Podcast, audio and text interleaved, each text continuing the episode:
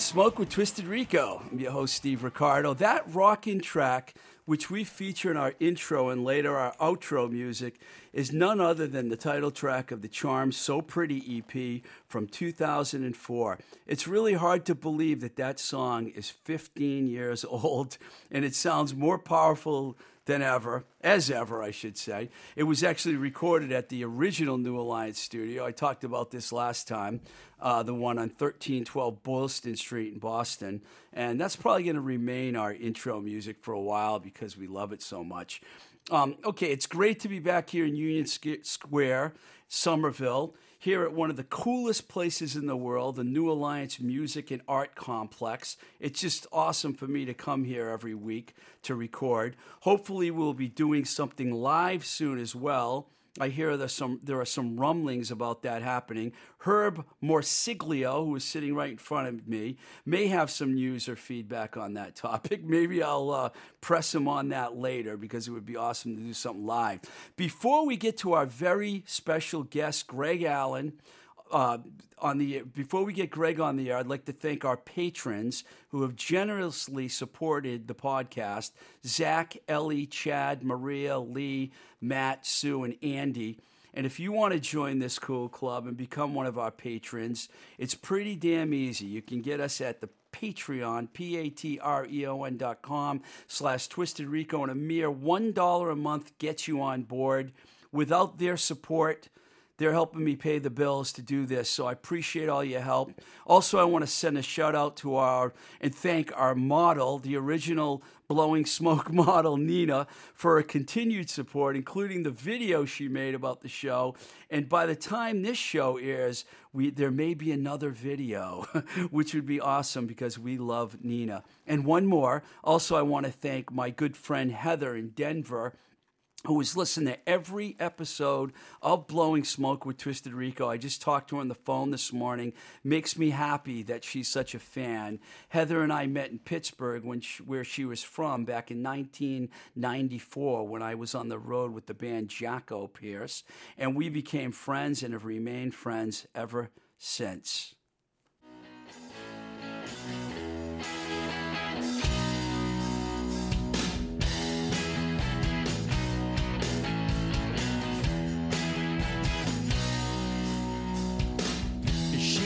Heaven or from 1977.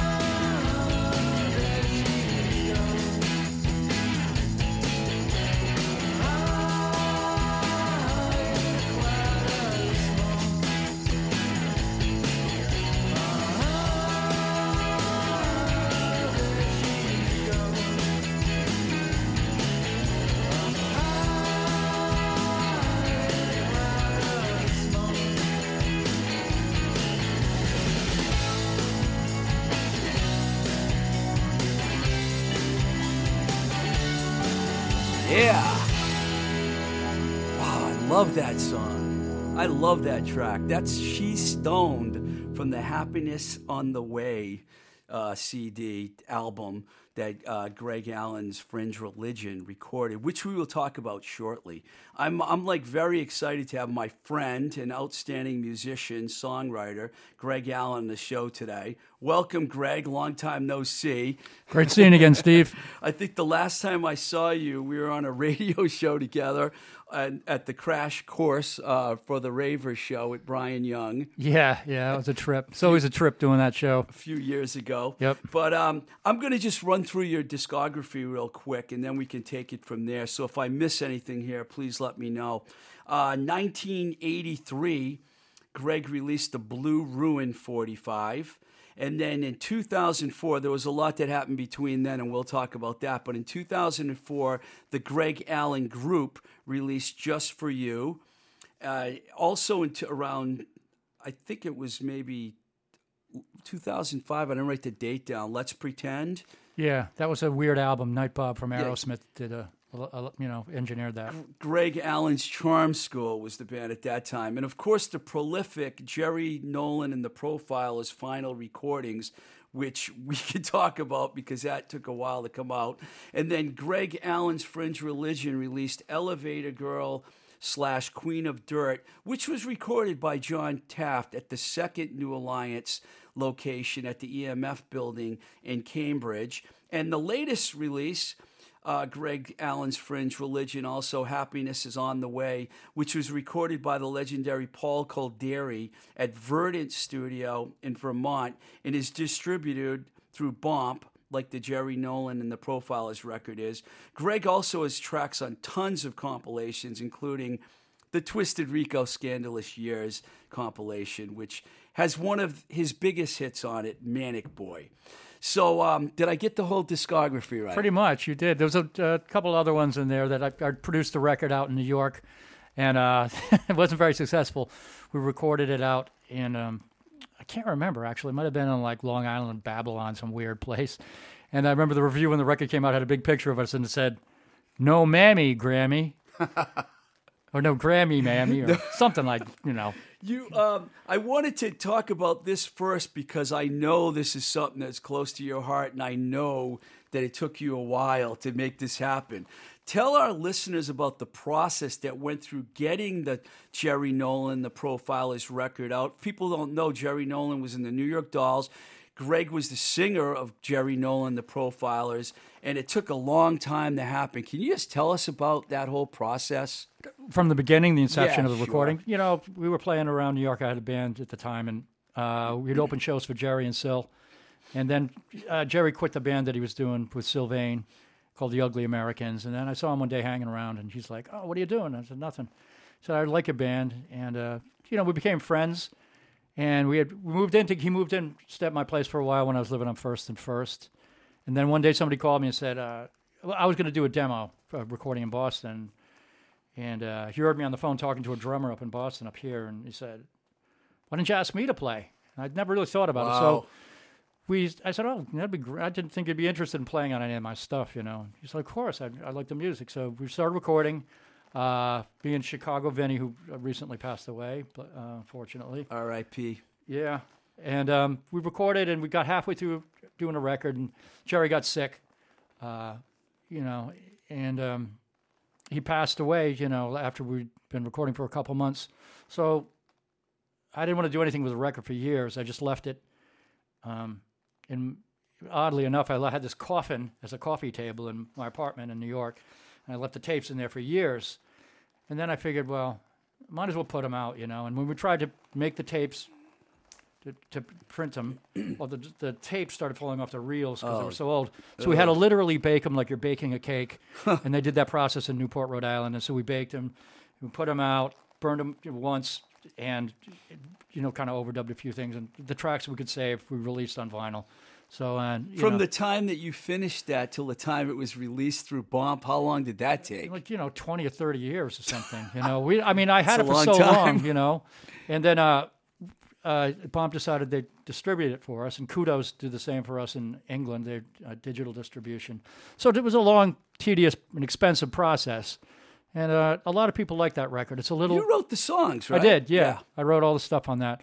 And Jerry liked the material, and we were going to do more stuff. And, you know, he had talked about maybe going to Japan and Australia and doing some shows, but he got sick and passed away. And I figured it's uh, more of a document than anything. It's not like some brilliant recording, you know, it's just that's what happened at that Right. time. And we used it, you know, just to kind of say, hey, you know, this is the last stuff we ever did. Now you grew up in Providence, I grew up outside Providence in a town called East Greenwich. And, and then uh, how old were you when you went to New York? Um, early twenties, maybe twenty three or so. When I moved there and lived in this horrendous welfare hotel on Seventeenth Street, filled with cockroaches and prostitutes and Sounds like 17th Street. yeah, Seventeenth and Third Avenue, and it was uh, you know, pretty squalid. But you know, I mean, that's the only option I had for. I think I probably talked to you about this before, but I lived on 10th Street in between 1st and 2nd, Mm-hmm. and that was in 86 and 87. I used to go to downtown Beirut, Oh, yeah. the bar there, which had the best jukebox around. And uh, so we kind of lived in the same neighborhood, but you weren't there at that. You were hit there later than that, right? I there about 84, 85. Oh, before I was there, you Perhaps, yeah. I got a job working at Tower Records where I get fired on a daily basis, and I just go in there, and every day there's I they're like get out, you know, and I'd be like what, you know, you like because I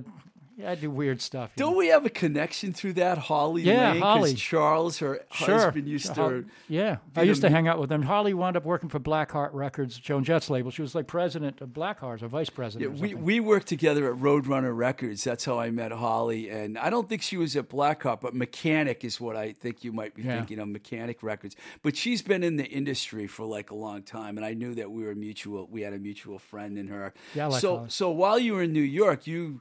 You've told me some really good stories. Now, weren't you involved with somebody from the David Johansen band for a while? Well, I played with Buzz Verno and Johnny Rao, and Johnny I've known for a long time. And uh, what had happened was we ran an ad.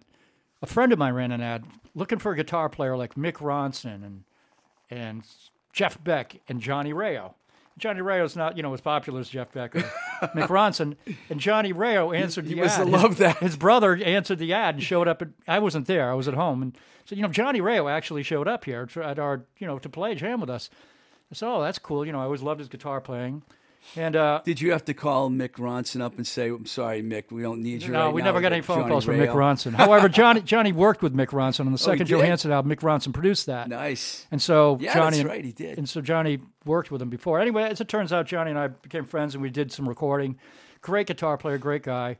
Uh, I just did a song on Tommy Price's solo album. They, uh, Tommy Price from Joan Jett's band. of the Joan Jett uh, in the Blackhearts. They yeah. had a band called Downtown Phantom, or still do. It's uh, Tommy Price, Johnny Rao, and the bass player from Mink DeVille's band. And they did one of my songs on their record just maybe a year ago, which was nice of them.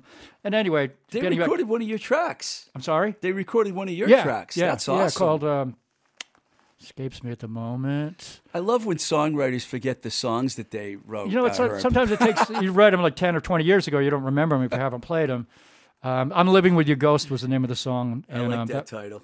and uh, so Johnny and, and I did the uh, Just for You album, and uh, we recorded that in Providence, and um, we did a bunch of stuff in Staten Island too that I'm going to release uh, demos that we did of some great songs that were recorded uh, back in the day When did you blow out of New York and move up to uh, Boston? when I was broke. Um, pretty much got to the point where I was like, you know, I'm older now. I'm working as an art handler in Manhattan. In fact, I worked with Johnny as an art handler. Strange, strangely enough, we both got fired, of course. Um, You've gotten fired a lot. yeah, I, that's my it's a requisite thing. You know, I go in, they fire me, I come back the next day, I'm a musician, man. Yeah, you know, they don't- you expect? Right, you know. Um, so I was working as an art as an art handler, and I'm like, wow, this, you know, I'm like nine thousand years old, and all the other kids are like twenty. By Finally, the way, Greg is not 9,000 years old because I'm older than him and I'm not 9,000, although I feel it sometimes, you know? I was getting a little older at the time, so I, you know, I said I, got to do something. So I went, came back to Rhode Island, and you know, got I had gotten arrested. It's a long story, and I had Every week we talk about someone getting arrested on our show, don't we, Herb? This was absolutely absurd. The reason, but anyway, so I went back and I got a paralegal degree in criminal justice and blah blah blah, which I really? From what school? uh, CCRI in Rhode Island. Nice. I had gone to um, School of Visual Arts in Manhattan, but of course I could never make the classes because there were night classes, and who wants to go to, the, you know, you want to go out and drink, Not in and New York. yeah, there's no way you want to go to school at night in Manhattan. Did you start playing right away when you moved up here? What year was that around? Do you have any idea? When I moved to New York or Boston, No, Boston. Uh, hmm. I was. I've been here for about ten years, um, maybe a little longer. I didn't play immediately. I was trying. to I don't know what happened at first. I can't remember what was going on. I mean, When I you so when you put out the the uh, just for you and and uh, let's pretend that was I you was still in New York, and that was recorded Right. in Rhode Island. one of those albums. And forgive me for not knowing which one. Didn't you cover na- the neighborhood's prettiest girl? Yeah, that was on uh, the Just for You album. We had the guys listen to it in the car, and they came back in and go, "We got it," and we just recorded it in one take. It was a great song. You know, our neighborhood's one of my favorite bands, and we used to play a lot with them in Providence when I was a young younger, you know, in my early Right. twenties, and we'd open shows for them, and that was just it's one of the you know best songs, you know, local bands, Boston local songs, you know. Mm-hmm. In years, there's been plenty, but that's one of the top ones. And you've gone through, well, you're not the only one. you've gone through quite a few musicians in Yeah. your band since you moved up here. And I know that a couple of lineups lasted a little while because I remember seeing, you know, when you had Chicago Vinny, who you mentioned earlier, who passed away. I was sorry to hear about that. He's kind of a legendary guy. You guys worked together before that in Yeah. New York, right? Yeah, we did with with the profile, the Jerry Nolan stuff. oh, he was on the pro. He yeah, he played bass on that. We actually, you know, I we couldn't find a bass player. We could find a few, but Jerry didn't care for him, so we asked if I knew anyone, and I knew Vin from Rhode Island, and uh, so I called up Vin, and he was more than happy to come down, and him and Jerry got along great. And Yeah, I was sorry to hear about his passing. yeah, I didn't. It was pretty unexpected, you know, quick. And then um, the last record you recorded, Happiness is on the way. I wanted to talk about this one because it just came out really like what?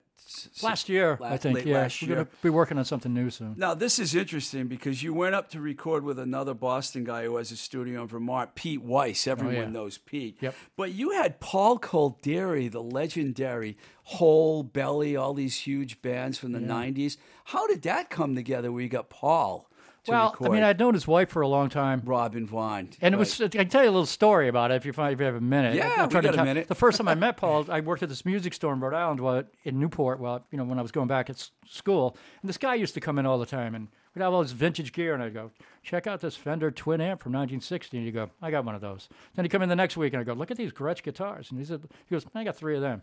and I'd like, and then he'd come in like a week later, and I go, okay, uh, we've got like you know, four pro reverbs from 1963. And you go, yeah, I got a bunch of them. I go, like, who is this nut? You know, like, you know, so finally I called my friend and boss and I said, this crazy guy comes in all the time. And every time I say, oh, we got this cool gear, he's got like four or five of them. I, this is absolutely insane.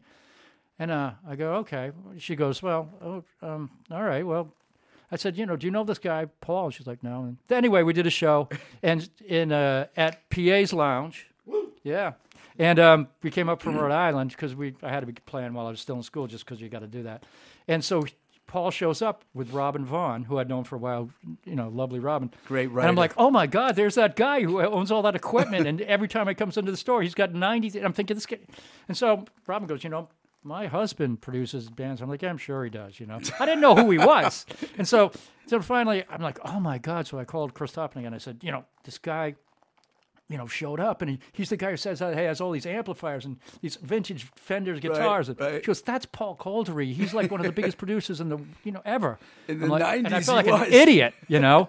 but you know, as it turned out, we became friends, and he asked me if I was ready to do some recording, and we were, and we just had got a new drummer, and we recorded all that stuff in like a day, and uh, you know, he, you know, uh, um, Pete engineered everything right. and I got really good reviews, you know, across the country.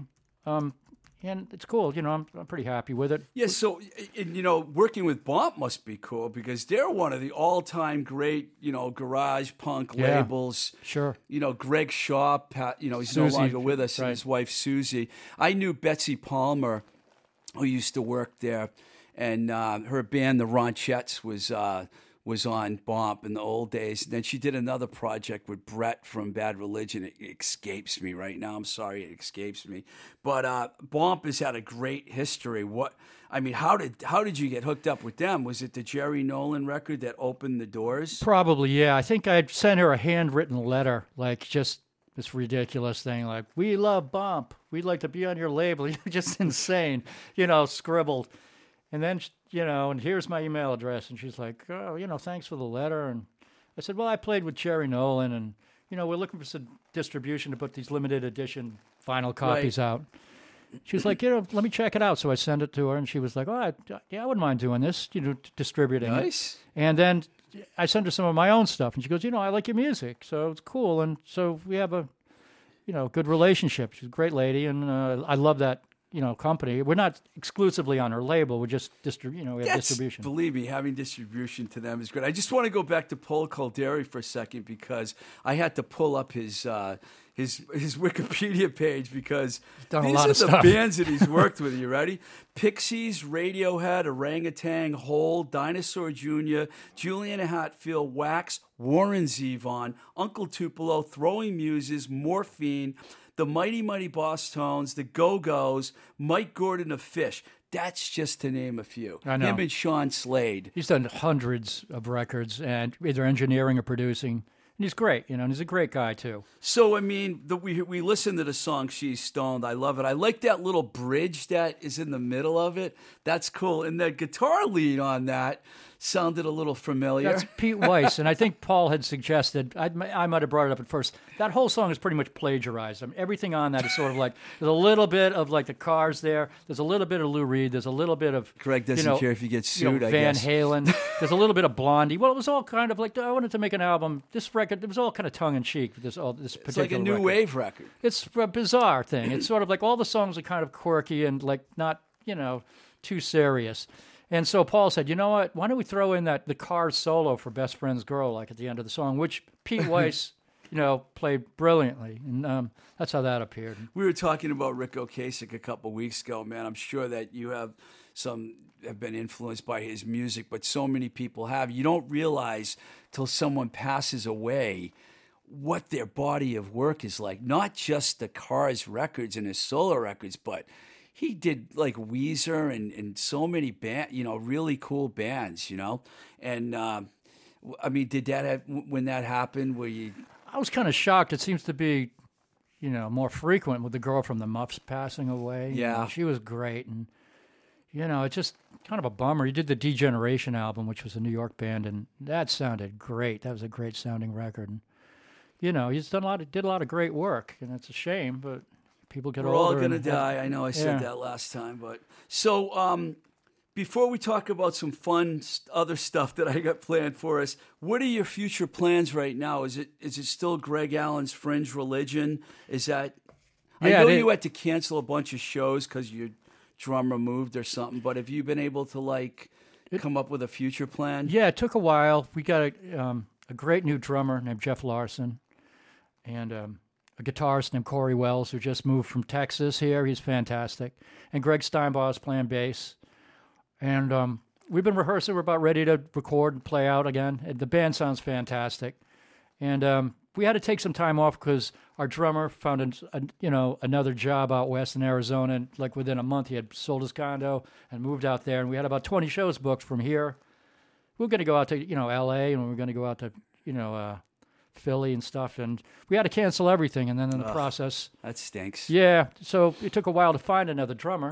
I always blame the drummers for everything. Anyway, It's, it's, it's always their fault. You know, it's their fault if you you know if you play crappy on stage. It's their fault if you know you're late for band practice. They're like Although- the, you know the kick dog. You know, for the, anybody's anxiety issues. a lot of bands go through a lot of bands go through a lot of drummers although i got to tell you the charms that i managed for a long time they've had like 12 different bass players so i mean bass play it's the whole rhythm section man The They're just a Spinal Tap problem. world. You know, and you know bass is actually my favorite instrument in the band you know when i heard uh, you know guys like jack Bruce and John Entwistle and uh, John Deacon from Queen. Oh, yeah. I realized, and Paul McCartney, of course. Oh, yeah. And then I could name all current bass players, but bass kind of like really uh, has always been my thing. So I'm not going to be too hard on the bass players. Drummers, Oh, we got a great well, bass player. You know, Cool. the Now- answer man. so now I'm going to shift gears. and We're going to have a little fun because I always like to, you know, throw something fun in. What before we do that though? What do you what are you listening to these days? I mean, is there something that's been local or or national or anything that's come out lately that's actually or you like me and you find yourself going back to the library a lot? I, I, both. I've been listening to the Scanners. They have a new record out. They're pretty cool. And this band called, I think they call it Schizophonics, and they had a oh, couple oh yeah, cool songs. yeah. You heard them? Yeah, yeah. So that's like newer stuff, and I, you know, like I'm a product of my generation, so I'm back there in the '70s and '60s stuff, and I, you know, I like a lot of new music. It's just flooded. So sometimes if I'm listening to like, you know, some college local stations, I just won't know because they really don't tell you this is by so and so. You have to wait till the end of the program to hear who's done it. But there's some really cool music out there. I remember from when we were neighbors in Somerville near Mm-hmm. Davis Square, going to your house. You and Heather, your lovely wife Heather, Yeah. I love, great artist. I hear it's her birthday. Happy birthday! She won't get this wish on the podcast for a few weeks, but happy birthday. He, Greg, and Heather, their record and book collection, especially. I mean, they had. Do you still have all that stuff? Yeah, I've got tons of. You know, it's like really almost. Ah, it's You weird. gave me another book a while ago, and I can't remember what it is, but today It was uh, Pattie Boyd. Pattie Boyd's Yeah. book. Well, you have a good memory. How in the world do you I don't know. that? It's Are weird. you I waiting get- for me to return that book? No, you can hang on to it. It's been a while. It's, I think it's yours now. lifted Le- this- legally, it's yours too. I think one of my ex girlfriends confiscated that book like they confiscate all my rock t shirts and stuff. But uh, Greg gave me a Queen book today about the early days of Queen. I can't wait to uh, start reading that. we still have tons of, you know, I read every idiotic rock book known to mankind. I'm presently reading the one on the Hollywood Brats, which were uh, as close to Spinal Tap as you can get.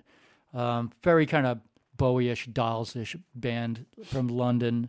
Very t- hilarious book. Um, Yeah, I I read like- a book on Alex Chilton last month. Oh, that's cool. See, I, I, uh, like, like as far as documentaries go, too. You know, I could watch a documentary about a band I don't even like, Yeah. and it'll be interesting to me.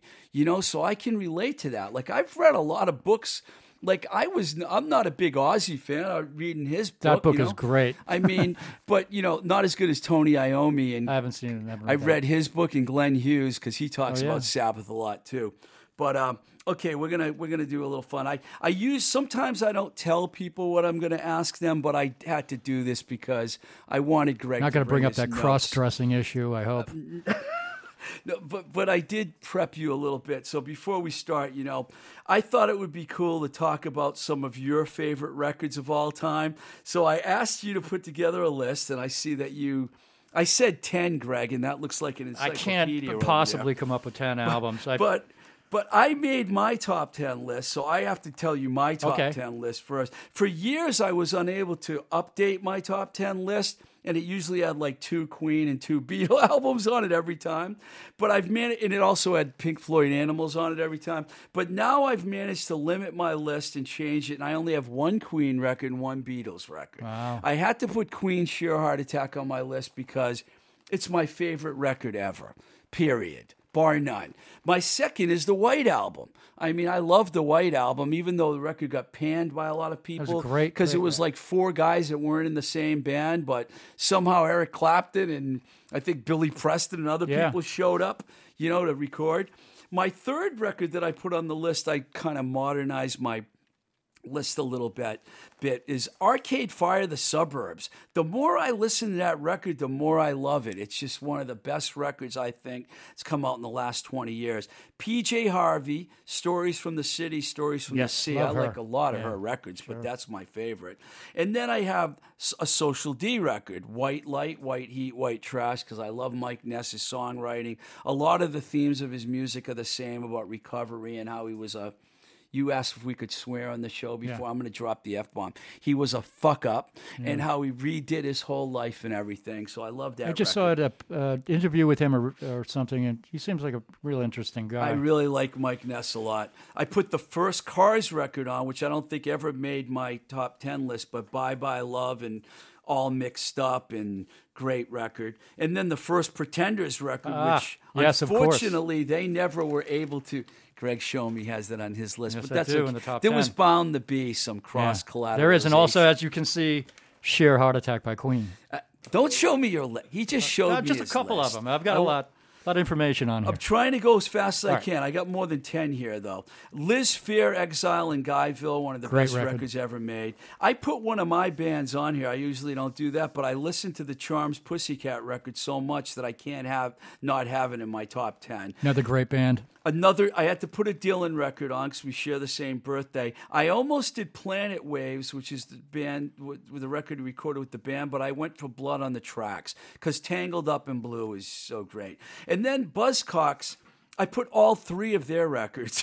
they all were recorded in 78, 79. Another music in a different kitchen, Love Bites, and a different kind of tension. And then my last rec, my, actually, I put two of her records on Lucinda Williams, Essence, and Car Wheels on a Gravel Road. So, I mean, there's other records that I could have put on my list The diverse selection you have. a lot, but I tried to do something different here. Like I when I put Lucinda on here, I was like, yeah, but don't you like Steve Earle more than Lucinda? And I was thinking, you know what, I'm going to go with Lucinda this time. You know, Yeah, because like they're those- kind I got the- all the Steve Earle stuff too. they're in the same category, I think. Yep. You know, like Americana. Yeah. The People think they're country, but they're more like Americana.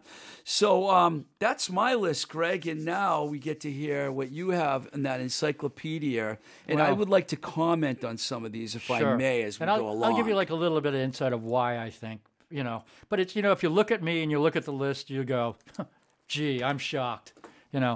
and so my first, this is my top 10. I've got honorable mentions too of about 15 because it's impossible to encapsulate all this. My first one, of course, is the first New York Dolls album where it's Johansen screaming, yelling Yep. about some kind of social drama. And Johnny Thunders' guitar sounds like somebody pulling a fire alarm. And it's just brilliant One of the greatest records it's just made. insane and it's it's so screwed up yeah, I love that record. Um, of course, second would be I don't know if there's any particular order, but You Exile on Main I Street. I didn't do an order either. Exile on Main Street, the Rolling Stones. When I first got it, I was like, "This is horrible." And I was a little kid. I got it. I was like 11, and then after about two months, it gradually and gradually. By a year after listening to it, I was like, "This is brilliant," because they changed so radically when they did that record. It's a brilliant. You know, go.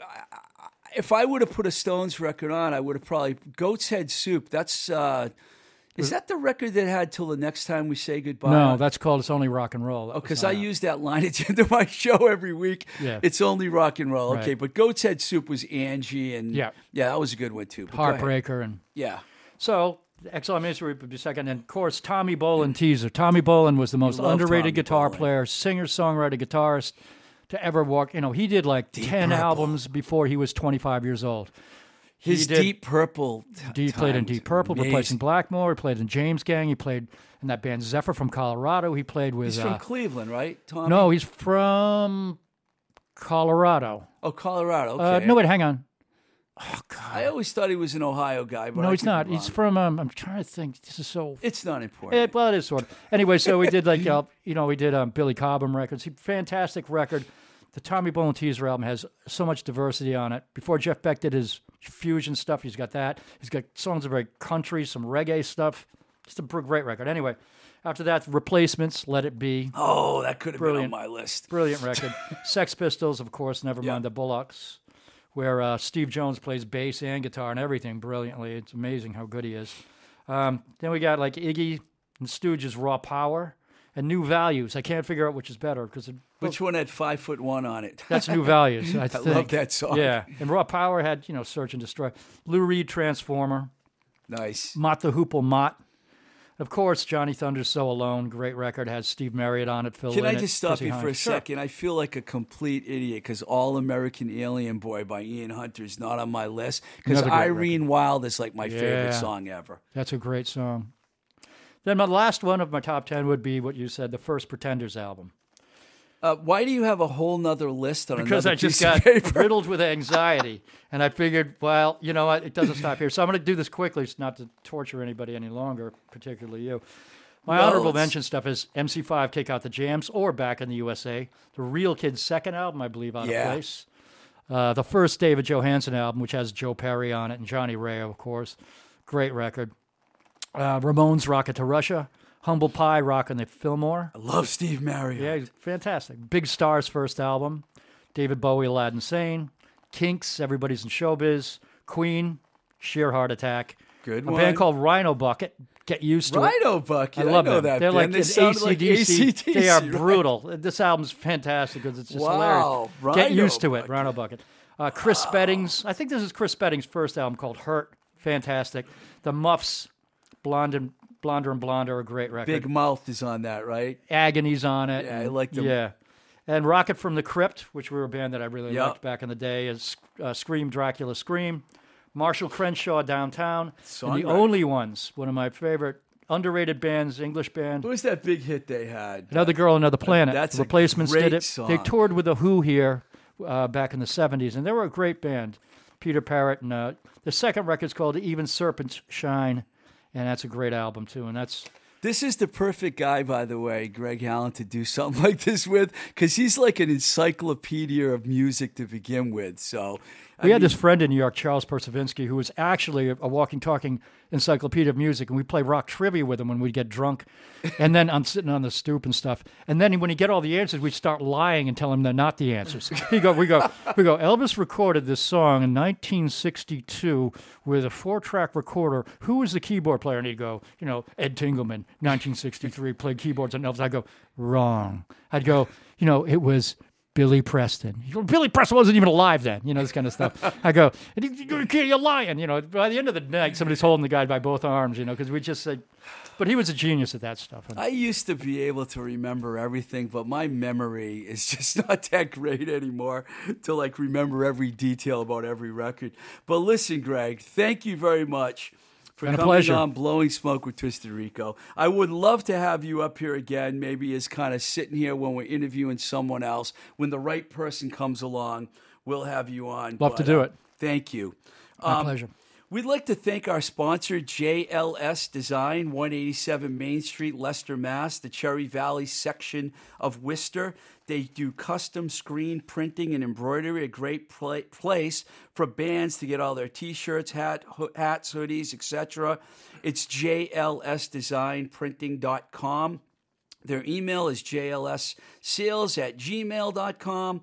I want to thank our engineer, Dorchester's own Herb Morsiglio, for manning the controls. And once again, thank you for listening to Blowing Smoke with Twisted Rico. And please consider supporting us for a dollar a month on our Patreon page. Uh, once again, it's www.patreon.com slash Twisted Rico, where you can get exclusive updates, photos, etc. We want to keep this show going forever. So, till the next time we say goodbye, this is Blowing Smoke with Twisted Rico. I'm your host, Steve Ricardo. Keep the rock and roll alive.